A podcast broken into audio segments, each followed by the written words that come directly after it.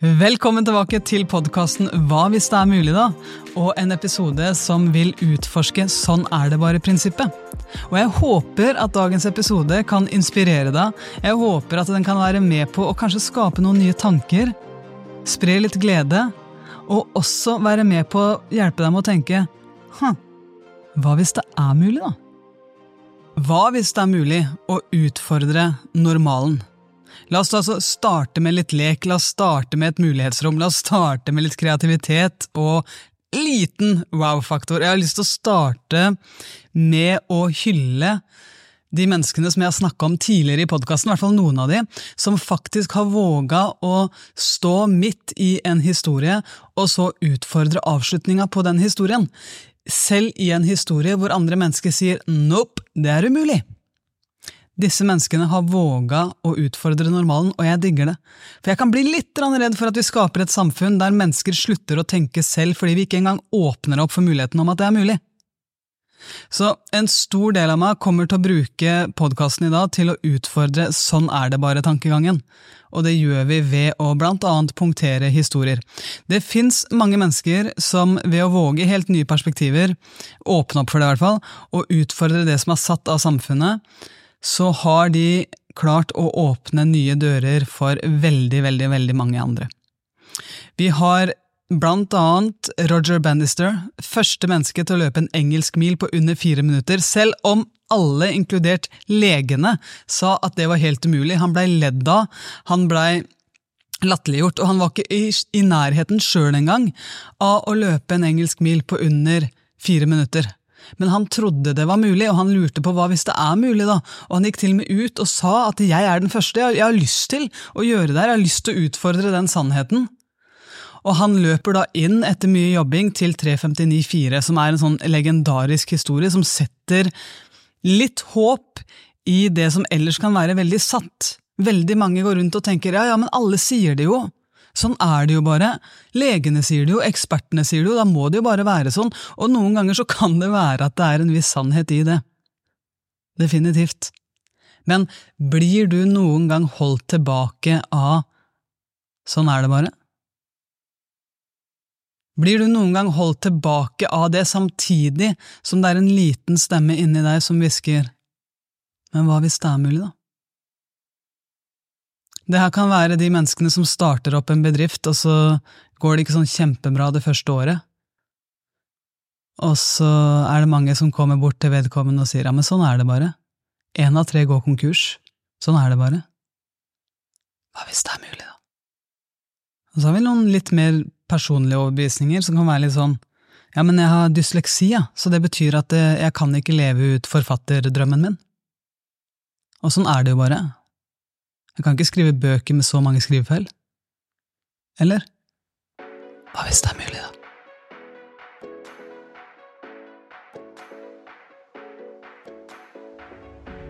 Walt Disney fikk sparken han, fordi arbeidsgiveren hans mente at han mangla fantasier og ideer, og det han svarte med, det var å tenke Hva hvis det er mulig, da? Han skapte Walt Disney. Og så har vi George Lucas, som virkelig satte i gang IOU-konseptet igjen med Star Wars-effektene. Og vi har våre egne norske helter. Vi har Heidi Løke, vi har Nora Mørk, vi har Stine Bredal Oftedal, som alle fikk beskjed av meritterte trenere da de var yngre, at de kunne kose seg med håndball, men de ville aldri bli internasjonalt gode spillere fordi de fysisk sett var for lave. Men hva hvis det er mulig, da? At det bare er en sånn er det bare-sannhet som burde bli utfordra?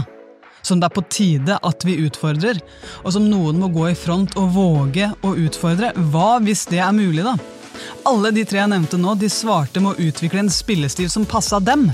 Som passa deres kropp, som passa deres høyde, som blei helt perfekt for de, og alle tre har i ettertid blitt kåra til verdens beste håndballspiller. Og alt det her sånn skjer fordi noen mennesker ikke lar seg stoppe av 'sånn er det bare'-tankegangen. Så i forrige uke så satt jeg i bilen min og kjørte, og kjørte en tur sammen med Leo, han yngste sønnen min. Og han spør meg Moa, hvorfor har vi lørdager? Hvorfor har vi lørdager? For, for Leo så er lørdag og søndag det er de dagene hvor Leo og Mio har fri fra skole og barnehage. Og vi skal ikke leite sånn veldig langt bak i hjernen vår før vi skjønner hvorfor vi har søndager. Det, det her handler jo litt om religion, å holde hviledagen hellig. Eh, men hvorfor har vi lørdager? Og hvorfor oppsto lørdager? Og sannheten er jo det at uh, der kan jeg si til Leo ja, men Leo, sånn er det bare, vi har syv dager i uka, den ene heter lørdag. det er veldig lett å gå rett inn i den, sånn er det bare tankegangen. Jeg er ikke veldig begeistra for den, som du skjønner. Jeg lurer på hva hvis det er mulig å, å utfordre det som er, for når vi vet hvorfor, så kan vi utfordre det som er. Og nå vet jeg at noen har til og med gått ned og utfordra femdagers eh, skole og barnehage i tillegg, og gått ned på firedagers. Eh, så noen mennesker tør å gå i front og utfordre det her sånn, men hvorfor har vi lørdager? Hvorfor har vi valgt at det er mandag til fredag som er skole og barnehage, og det er lørdag som, som er fridag sammen med søndag? Hvorfor det? Hvem var det som gikk i front og bestemte det her? Det er jo noen som har bestemt det. Hvem var det som var modig nok til det? da? Hvem var det som var modig nok til å se på hva som faktisk var den etablerte sannheten, for sannheten er jo den at før så var lørdag en fast arbeidsdag for alle. Ikke bare for noen, sånn som det er nå. Da var det det for alle. Det var kun søndag som var hviledag. Så jeg syns det spørsmålet fra Leo det er mer genialt enn jeg tror han var i nærheten av å forstå. Så hvem var det som fant opp at lørdagen også skal bli en restitusjonsdag? Hvem er det som fant opp det? Jo, Mulig du vet det, det er Henry Ford. Mannen bak Ford-bilene. Han fant opp det! Alle andre heiv seg på etter hvert, i hvert fall veldig mange heiv seg på etter hvert, men én mann måtte gå i front. Og så er det interessant å tenke på hvorfor gikk han i front? Skulle ikke han lage biler? Skulle ikke han selge en hel haug med biler og tjene masse penger? Var det ikke bare gull for han at de som jobba hos han, jobba på lørdager òg? For de gjorde jo det i starten. Hvorfor var det han som innførte fridag på lørdager? Henry Ford! Hvorfor? Og hen, altså, I 1909, hvis, vi går helt tilbake dit I 1909 så var jo Ford ledende Altså, de, de grusa markedet, rett og slett. De solgte flest biler i hele bilindustrien. De produserte 10 000 per år av den mest populære bilen sin. Og når åra gikk, da, etter hvert som årene gikk, så vokste jo den etterspørselen. Og det her var jo mange biler på den tida der. Men allerede ved starten av 1914 så laga de godt over 200 000 biler i året. Det er ganske mye. Problemet var bare at selv om det gikk fra 10 000 til 200 000 biler, så var det ikke overskudd i firmaet. Og det var jo av det at det var så stor utskiftning av de ansatte. Folk slutta. I 1913 så hadde de 13 000 ansatte, og i løpet av det året så ansatte de mellom 55 til 60 000 mennesker. I dag i næringslivet så vil folk kalle det her voksesmerter. Der vil folk si at eh, nei, vi fikk litt voksesmerter, vi vokste litt raskere enn det vi kanskje var klare for. Det her har vi hørt ekstremt mange ganger i næringslivet. Eh, men for Ford, da, som starta det året med 13 000, og som underveis gjennom det året ansatte et sted mellom 55 og 60 000 mennesker, så er det interessante her at ved nyttår 1914, altså ett år etterpå, så var det totale antall ansatte 14 000. Det vil si at de måtte ansette rundt 55 mennesker for å oppnå én person. De måtte ansette 55 mennesker for å klare å gjøre jobben til én person. Og det var jo det som gjorde at det blei så dyrt for Henry Ford. Selv om han solgte, og de solgte vanvittig mange biler, så innser de at vi går jo ikke rundt. Vi tjener jo ikke nok på det her, sånn, fordi vi har så store utskiftninger blant de ansatte. Vi mister alle ansattene våre. Og det han gjorde, og det syns jeg er interessant, det er at han tenkte på en helt annen måte enn standarden i bransjen. På akkurat samme måte som Roger Bannister gjorde. På akkurat samme måte som Heidi Stine og, og Nora gjorde. De våger å utfordre normalen, de våger å face sannheten. Ja, hva er, det, hva er, det, folk flest tenker er sant? Hva er det folk flest tenker sånn er det bare, sånn må det bare være? Og hvis vi er helt ærlige og vi ser på hvor er det vi vil hen, fungerer det da? Fungerer det å tenke sånn hvis jeg har lyst, lyst til å løpe under fire minutter på en engelsk mil? Nei, det fungerer jo ikke det. Fungerer det for meg, som har lyst til å spille håndball blant de beste i verden, og virkelig gjøre det jeg elsker og bruke det som en jobb, fungerer det da for meg å tenke at det var synd at ikke jeg var 1,80 høy? Eller trenger jeg å tenke på en litt annen måte? Trenger jeg da å legge om spillet mitt på en litt annen måte enn de menneskene som er 1,80 høye? Kanskje trenger jeg å spille på en annen måte og få de samme resultatene? Og det er litt sånn Henry Ford tenkte. Han blei spurt i et intervju hvem er din drømmekunde? Og så tenker han seg litt om, og så sier han Min drømmekunde, det er jo faktisk de som jobber hos oss.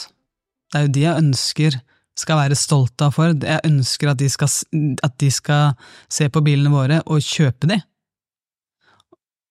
Og så begynner han å tenke, hvordan i alle dager skal de få tid til å kjøpe de bilene? De jobber jo hele tida! De jobba mandag til lørdag i ni timer til en elendig lønn, og det var helt vanlig på den tida. Så det var ikke sånn at Ford betalte lavere enn andre, de betalte helt likt, alle sammen, stort sett. Men sånn var eh, Det var høyere og høyere og høyere krav, og sånn var bransjen på den tida. Så det han gjorde, det er at han brukte litt tid på å tenke på en helt annen måte. Og det er jo spennende å tenke at han her levde jo på samme, må, på samme år eh, som Albert Einstein. Han, han, levde på samme tid som Albert Einstein, og et av de store quota til Albert Einstein det var jo vi kan ikke løse problemene våre med den samme tankegangen vi brukte da vi skapte dem. Så det var Henry Ford som da så hva slags tankegang har vi hatt når vi skapte de problemene våre? Jo, det er jo at folk må jobbe mer, at vi må tyne de masse, sånn at vi får produsert flest mulig biler. Det er den tankegangen som skapte problemet for at de ikke fikk omsetning som de drømte om i selskapet sitt. At ikke de gikk med overskudd. Så hva hvis vi våger å tenke helt annerledes, da? Det han gjorde, det er at han laga weekend-prinsippet. Der han, han dobla lønna deres han dobla lønna til alle ansatte, han tok bort én time fra arbeidsdagen deres, sånn at de gikk fra ni timer til åtte timer hver dag når de jobba, og så tok han også bort lørdagene som arbeidsdag. Hva hvis det er mulig? Hva hvis det er mulig at det ikke alltid handler om å gjøre mer? Det blir litt sånn å kjøpe flere CD-er, da, sånn som jeg gjorde. Jeg, jeg samla på musikk da jeg var liten, så jeg drev og kjøpte CD-er hele tida. Jeg elska det. Så hver gang jeg hadde råd til det, så drev jeg og kjøpte CD-er, så stacka jeg de sånn oppå hverandre. Men det tar jo innmari mye plass, og det krever ganske mye tid, og det krever at jeg også trenger å finne en, en måte å få tjent de pengene på som gjorde at jeg skulle kjøpe alle de CD-ene, for jeg elska virkelig musikk. Og så er det bare bestemte serier jeg faktisk kan høre på det. Helt fram til noen tenkte er ikke det her litt slitsomt, da, hva hvis det er mulig å tenke litt annerledes? Hva hvis det er mulig å utfordre den normalen? Nei, det går ikke an! Det går ikke an. Sånn er det jo bare. Hvis du skal høre på musikk, så må du ha en CD. Folk i dag vet ikke engang hva en CD er. Så noen lagde jo, slash Steve Jobs MP3-spilleren blei laga. iPoden blei laga. Spotify blei laga. Henry Ford, han laga Viken-prinsippet.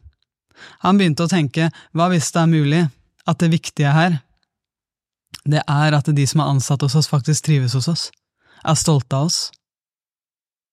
Hva, hva, hvis det er mulig å tenke sånn? Og det som skjedde, da, det er at uh, de Mange trodde jo at det hadde klikka for Henry Ford, for det her det var ganske brutalt. Det her var mye greier.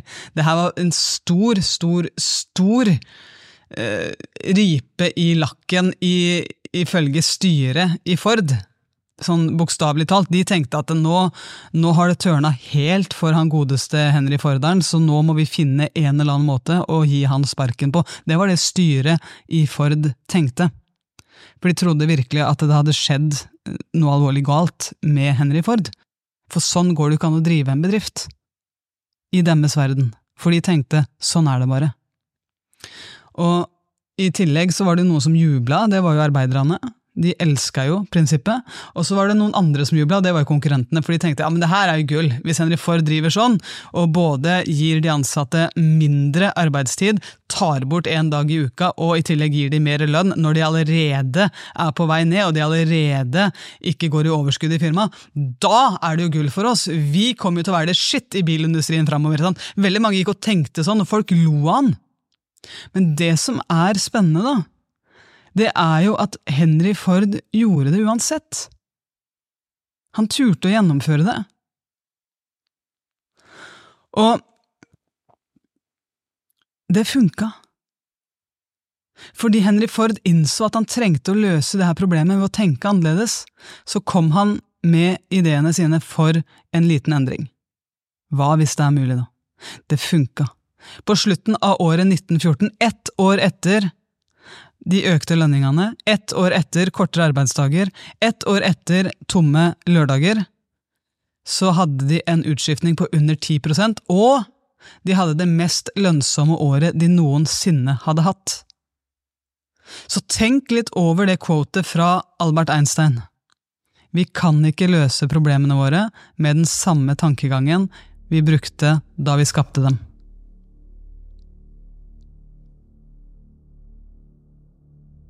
Heidi, Nora, Stine, de kan ikke løse problemet at alle må være 1,80 høy med den samme tankegangen som de menneskene som skapte det problemet, hadde. Roger Brandister kan ikke løse det problemet at folk som driver med friidrett og er gira på å løpe og er gira på å pushe seg sjøl, han kan ikke løse det problemet ved å lytte til den samme tankegangen som de menneskene som skapte det problemet, hadde. Og Det spennende med Roger Bannister og 3.59,4 i løpet, det var jo det at bare noen uker etterpå at han hadde løpt inn til 3.59,4, så var det en annen løper som gjorde det samme. Og derfra ut så er det jo mange løpere som har gjort det samme, men noen må se at det er mulig først. Og folk klarer ikke, i hvert fall ikke Altså, du klarer det, for du hører på den podkasten her. Veldig mange klarer ikke å se at det er mulig, fordi de er låst fast i sånn er det bare tankegangen. La oss si du er en megler. La oss si du er en eiendomsmegler. Og du kjenner at eh, ja, ting flyter, det går ganske bra. Og det tar innmari lang tid å følge opp alle visningene i en tid hvor du kanskje har et par småbarn på hjemmebane, som også har lyst til at du skal være med på fotballtrening, men så har du blitt eiendomsmegler. La oss, la oss leke med den tanken. Hva hvis det er mulig at du lager deg et lite team, bygger opp en liten minibedrift på sida, som heter Visningsekspertene, og du har unge, sultne mennesker som drømmer om å bli eiendomsmeglere, som får lov å komme inn på din visningsskole, bli eksperter i å holde visninger, og hver eneste gang du skal ha en visning, så vet du at det tryggeste leddet ditt, det er å gå rett fra ditt eget team og si det er en visning på den adressa i kveld klokka fem, hvem av dere tar den? Og du er trygg på at alle er godt opplært. Ja, men det kan jeg ikke gjøre, jeg må jo ta visningene mine sjøl, sånn er det bare. Ja, ikke sant? Noen kommer til å gå ifra det. Jeg sier ikke at det her er en god idé, det her var bare et eksempel jeg kom fra mitt eget hue. Men jeg tror at mange bransjer nå kommer til å se en enorm enorm utvikling i mennesker som tør å utfordre sånn er det bare i prinsippene. Sånn som Henry Ford gjorde da han skapte femdagers arbeidsuke. Og den er det veldig mange som har jobba med. Den er det veldig mange som har adoptert. Det her vet vi. Vi har den her i Norge nå. Vi har fem dager skoleuke. Vi har fem dager barnehageuke, i hvert fall de fleste steder. Så jeg har veldig lyst til å oppmuntre deg til gjennom sommeren å bare se nærmere på dine 'sånn er det bare'-prinsipper. Og lek med muligheten, lek med spørsmålet rundt 'hva hvis det er mulig å utfordre det her'? Hva hvis det er mulig at min sånn er det bare handler om mitt eget potensial, da? Hva hvis det er mulig at du har en ja, men sånn er jeg bare-tankegang? Ja, men sånn er jeg bare. Jeg er jo en som er introvert. Jeg er jo en som er usikker i sosiale settinger. Jeg er jo en som ikke tør å skyte mer enn tre ganger i løpet av en kamp. Jeg er jo en som, i det øyeblikket du sier 'jeg er en som', og det er en negativ lada historie, Se om det er mulig å utfordre den. For hva hvis det er mulig at den historien, den har vært gjennom livet ditt fram til nå? Men fra og med nå så er jeg oppgradert. Fra og med nå så har jeg heva standardene mine. Fra og med nå så har jeg tenkt å løse de historiene, de sånn er det bare-historiene, med en helt annen tankemåte enn de som skapte de. Enten det er meg sjøl eller andre.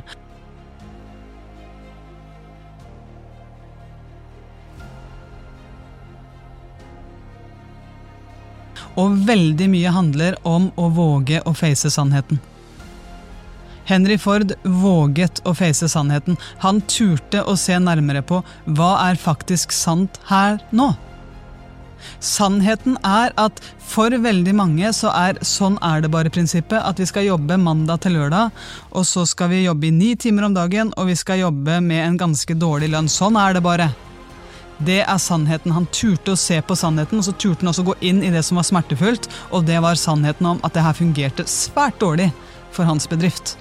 De solgte biler, ja, men det gikk ikke i overskudd. Det var en sannhet hvor han var villig til å face. Det betyr ikke at eh, han hadde blitt et bedre eller dårligere menneske ved å selge mer eller mindre biler, ved å gå mer eller mindre i overskudd. Det her betyr at han brukte store deler av sitt liv og en stor del av sin tid på noe som ikke ga resultater. Og da kan det godt hende at det er gøyere for Henry Ford å levere resultater Prøv å skille de to fra hverandre, for uansett hvor godt du leverer, så betyr jo ikke det at du er en mer eller mindre verdifull person.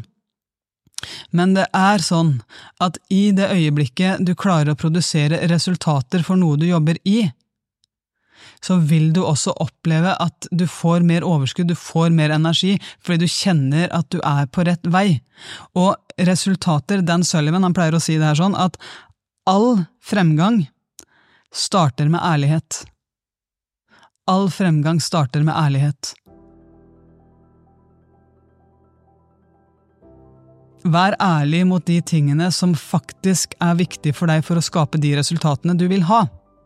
La oss nå si at ditt resultat Jeg kan ta mitt resultat. Jeg har tre fokusområder eh, som jeg virkelig prioriterer i mitt liv, og en av de er familien min.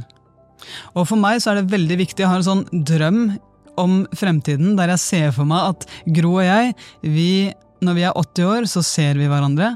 Vi behandler hverandre med respekt, vi har masse kjærlighet for hverandre. Vi har god tid til å være sammen og fortsatt være nysgjerrig på hverandre. Det er en sånn Wow, hva hvis det er mulig, da, følelse som, som jeg virkelig bærer på.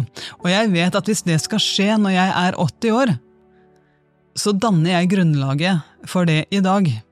Og hvis det er sant at Gro er min prioritet, og jeg er ærlig med meg selv, og jeg våger å se på Ok, jeg går og sier at Gro er veldig veldig viktig for meg, og det, det er hun. Men så trenger jeg også da å være ærlig med meg selv, ikke med deg, eh, for, for det er Gro og jeg som er i relasjonen. men nå bruker jeg det som et eksempel. Jeg trenger å være ærlig med meg selv, som er den som kan utgjøre en forskjell her. På hvem er jeg faktisk når jeg er sammen med Gro, og hva gjør jeg faktisk for at det skal være mitt bidrag inn mot den fremtiden? da? Hva gjør jeg i nå-øyeblikket? For sannheten er at hvis jeg, hvis jeg, virkelig går all in med det, og jeg tenker at det her er kjempeviktig for meg å prioritere, så er det jo også viktig for meg å være brutalt ærlig med meg sjøl på Bidrar jeg til det nå? Gjør jeg det? Eller er jeg den som, når jeg er sammen med Gro, tar telefonen hver gang det ringer, fordi at det er viktig for noen andre å prate med meg akkurat nå? For i det øyeblikket jeg er bestemt på hva jeg faktisk vil, og jeg våger å se nærmere på hva jeg faktisk gjør, så vil jeg se at det er en link mellom det jeg faktisk gjør og de resultatene jeg får, og det snakka jeg om i Star-modellen sist. Så hva er viktig for deg i ditt liv? For Henry Ford så var det viktig å, å ha et firma med overskudd. For Roger Bannister så var det viktig å utfordre den standarden som var satt om at ingen kunne løpe under fire minutter. For Heidi, for Nora, for Stine så var det viktig å få lov å gjøre de tinga de elska. Det var å spille håndball. Så det var viktig for deg. Og hvis du er ærlig med deg sjøl, hvordan prioriterer du det? Hva er dine standarder inn mot det? Blir de styrt av hva hvis det er mulig, da? Eller blir de styrt av sånn er det bare-prinsippet? Kjenn litt på det. Og vær ærlig med deg selv. All fremgang starter med ærlighet. Vær ærlig med deg selv. Det som er viktig for meg, hva gjør jeg for å skape en ny tankegang rundt det hvis jeg trenger det? Hva gjør jeg faktisk? Ikke hvordan ser det ut i den perfekte verden. Nei, nei, hva gjør jeg faktisk nå? For når du er ærlig med deg sjøl, når du er brutalt ærlig med deg sjøl, så kan du se det, og all fremgang starter med den ærligheten. Så jeg finner den ærligheten i stillheten, jeg finner ærligheten i meditasjonene mine, jeg finner ærligheten min i restitusjonsdagen min. Jeg har én restitusjonsdag hver eneste uke hvor jeg ikke har noen møter. Der har jeg bare Det eneste som er ferdig booka der, det er mastermind-gruppa mi og coachen min, som er min forpliktelsescoach, der jeg forteller henne nøyaktig det her er mine fokusområder denne uka her, og sånn har jeg tenkt å gjennomføre de. Så jeg forplikter meg til henne. Det er en 15 minutters samtale hver eneste uke. Kjempespennende. Resten av de dagene er for meg til å evaluere hva jeg faktisk gjort for forrige uke? Hva gjorde jeg faktisk? Hva skjedde faktisk? Ikke hva er min tolkning av det, men hva skjedde faktisk? Hva er det som faktisk skjedde? Hva ble resultatene? Tok det meg nærmere eller lenger fra det jeg egentlig drømmer om? Så skriver jeg dagboka. Og virkelig våger å være ærlig. Og bruk tid. Det er det jeg syns er så fint med Henry Ford-historien, det er at han ga arbeiderne sine tid. Han ga dem en ekstra dag med tid, sånn at de kunne i hans verden, da, kjøpe en, en Ford-bil. Men, eh, men, de fikk også mer tid med sin familie. De fikk også mer tid til seg selv, de fikk mer tid til å skape overskudd. Og det veldig mange gjør med den ekstra tiden de får, det er at de forter seg å fylle den med stress. Det er ikke nødvendig. Vi mennesker, vi trenger Vi trenger mellomrom, vi trenger tid. Du trenger òg det her sånn. I det øyeblikket du tillater hjernen din å bare vandre litt uten en oppgave, så er du mye mer i stand til å komme inn på en innovativ idé, sånn som Henry Ford kom opp med. Sånn som eh, for eksempel eh, ja, Vi har jo hatt mange av de i podkasten, men eh, Albert Einstein var jo ekstrem på akkurat det her sånn. Det å gjøre ingenting, gå i stillhet, bare bevege seg, sykle, altså, og ikke ha noe input på øra, annet enn at du får fri. Du får fri til å gjøre ingenting. Eh, du kommer også til å lære mer, og det så jo òg Henry Ford i det øyeblikket når han ga slipp. I det øyeblikket hvor han tilbød de en fridag mer, så blei de mer produktive. Det var en av de fordelene han tydelig så i Ford. Det er spennende. Og det er masse forskning som viser det at uh, når du tar noen sånne småpauser, så forbedrer det konsentrasjonen og oppmerksomheten din, fokuset ditt, altså alle de tinga her sånn, og, og, du blir mer produktiv da når du kommer tilbake igjen til oppgaven. Og det er jo noe vi har snakka om tidligere i den podkasten her, i forhold til mellomromma. Så du blir også i det øyeblikket når du er stille med deg sjøl, eller du er i en, en, tilstand der du gjør ingenting, så vil du merke at veldig fort da så vil du komme inn på dagens to do-liste. Stress, har ikke tid til å være stille, har ikke tid til det, har ikke tid til det, har ikke tid til det. Og så i det øyeblikket du sitter i det, eller står i det, eller går i det, i det øyeblikket du velger deg selv og stillhet, fritid, der du ikke har en oppgave å gjennomføre, i det øyeblikket så vil du også ganske kjapt se at du begynner med kreativitet etter at du er ferdig med to do-lista di. Du begynner å sette sammen ting du ikke har sett før. Og du vil også se at du begynner å tenke over hva du faktisk kan velge å være glad for, hva du faktisk kan velge å gjøre for andre mennesker. Og du vil merke at du òg da, fordi du da kvitter deg med en del stresshormoner, så vil du også merke at du, du får det rett og slett bare litt bedre. Så jeg vil anbefale deg å sjekke det ut, for det har en massiv effekt. Og det kan også hjelpe deg med å utforske den derre sånn er det bare-tankegangen. Ja, hva hvis, hva hvis det er mulig, da? Jeg ble kalt Anja Hvorfor det helt fram til jeg ble 18 år. Jeg vet at noen fortsatt kaller meg Anja Hvorfor det. For alt det som er så satt, hvorfor det? Ja, men vi må jo jobbe mandag til lørdag. Hvorfor det? Ja, men vi må i hvert fall jobbe åtte timer om dagen. Hvorfor det? Hvorfor det? Jeg tar meg rett og slett en sommerferie nå. Det er viktig for meg, fordi at jeg bruker eh, nå tid på eh, et prosjekt som jeg kjenner at jeg har innmari lyst til å ha fullt fokus inn mot, og jeg gleder meg til å dele det med verden, til å spre mer av det til verden. Og for å klare det, så trenger jeg også å ta bort noe, og jeg velger da å ta en sommerferie med den podkasten her nå. Og er ekstremt takknemlig for at du har vært med meg på reisa så langt, og at du lytter til podkasten. Og jeg håper dagens episode har vært med å inspirere deg. Så tusen, tusen takk for i dag. Nyt sommeren, og jeg heier så på deg.